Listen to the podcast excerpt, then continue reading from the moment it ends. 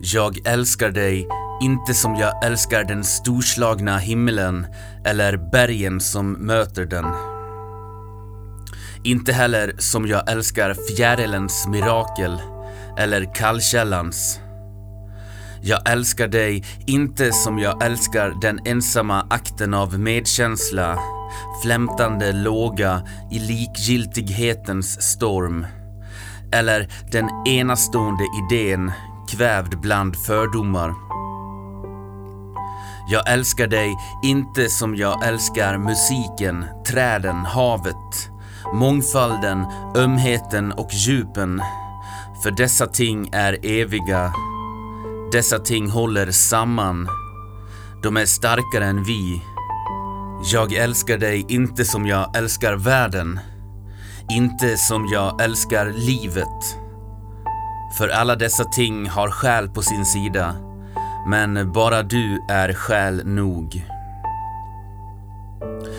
Det var en dikt skriven av min favoritantagonist Paul Arén. Hardwire to self-destruct. Och eh, så går vi vidare och plöjer igenom Sofisten del 10, den eventuella finalen.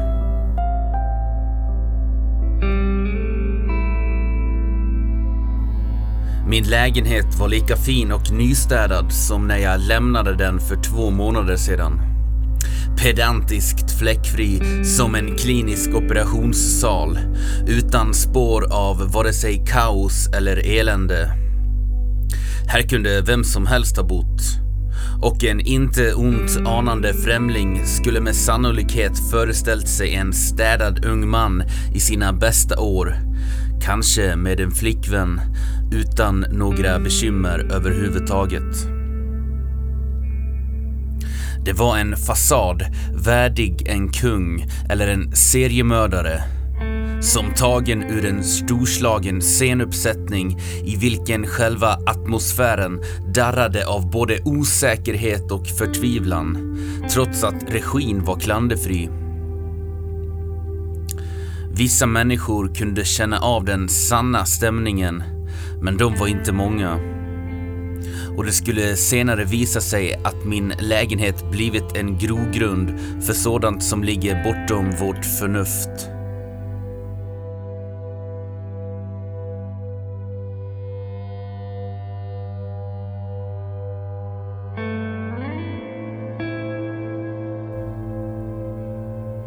Det okulta hade alltid både intresserat och skrämt mig.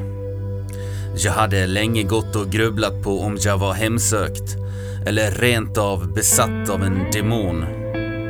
Hur mycket jag än försökte komma underfund med vad det var som var grunden till mitt lidande kunde jag aldrig komma fram till en logisk slutsats. Jag började därför skickligt göra falska slutledningar. Hittade på en ny inre retorik som gick ut på att allt var möjligt vare sig naturlagarna talade för eller emot mitt resonemang.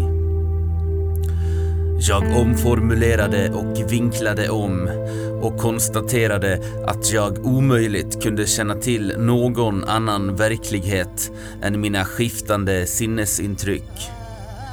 Plötsligt kunde jag gå min egen väg och eh, alla mina tankar blev mer och mer viktiga i och med att jag inte avfärdade dem. De fanns ju de var verkliga.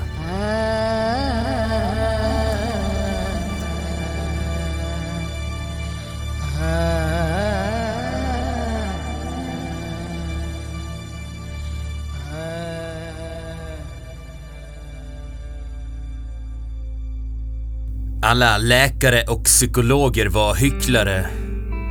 Jag föreställde mig dem som vanliga knegare som bara brydde sig om sin lön.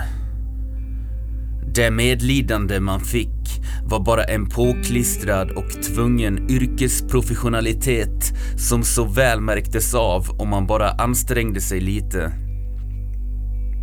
Varje patient var bara en i mängden av alla arbetsuppgifter.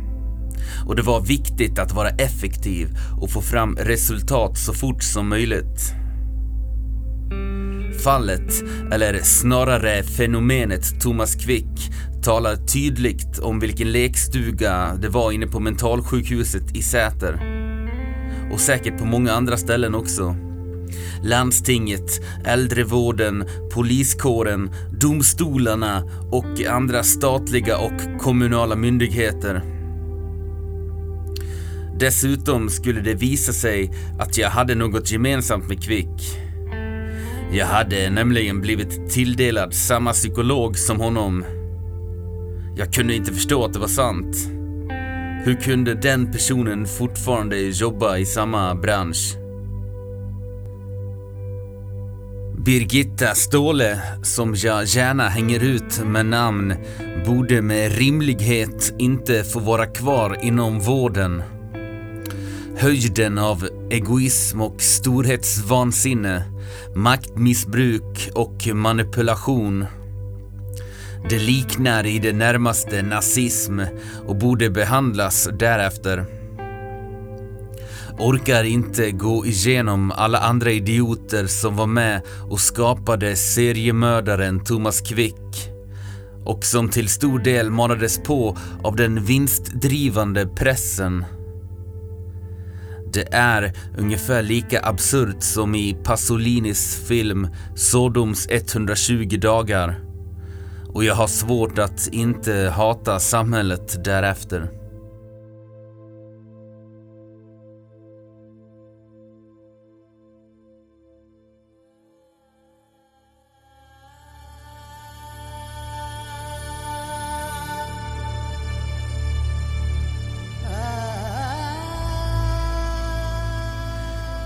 Men som sagt, min lägenhet var fin. Den var respektabel och jag ägde den lika mycket som jag ägde livet. Det var produktionen av mitt presterande. Jag hade dock ingen kärlek i livet. Den var omöjlig och jag har fortfarande än idag inte funnit den. Då och då tänker jag på zombieflickan. Jag undrar om hon lever.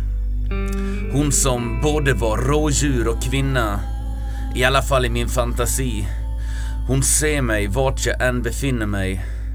Som om hon i själva verket var mitt samvete. Och någonstans i botten av min själ finns ett litet märke kvar från när jag första gången såg henne trasig och skör inne på avgiftningen i Falun.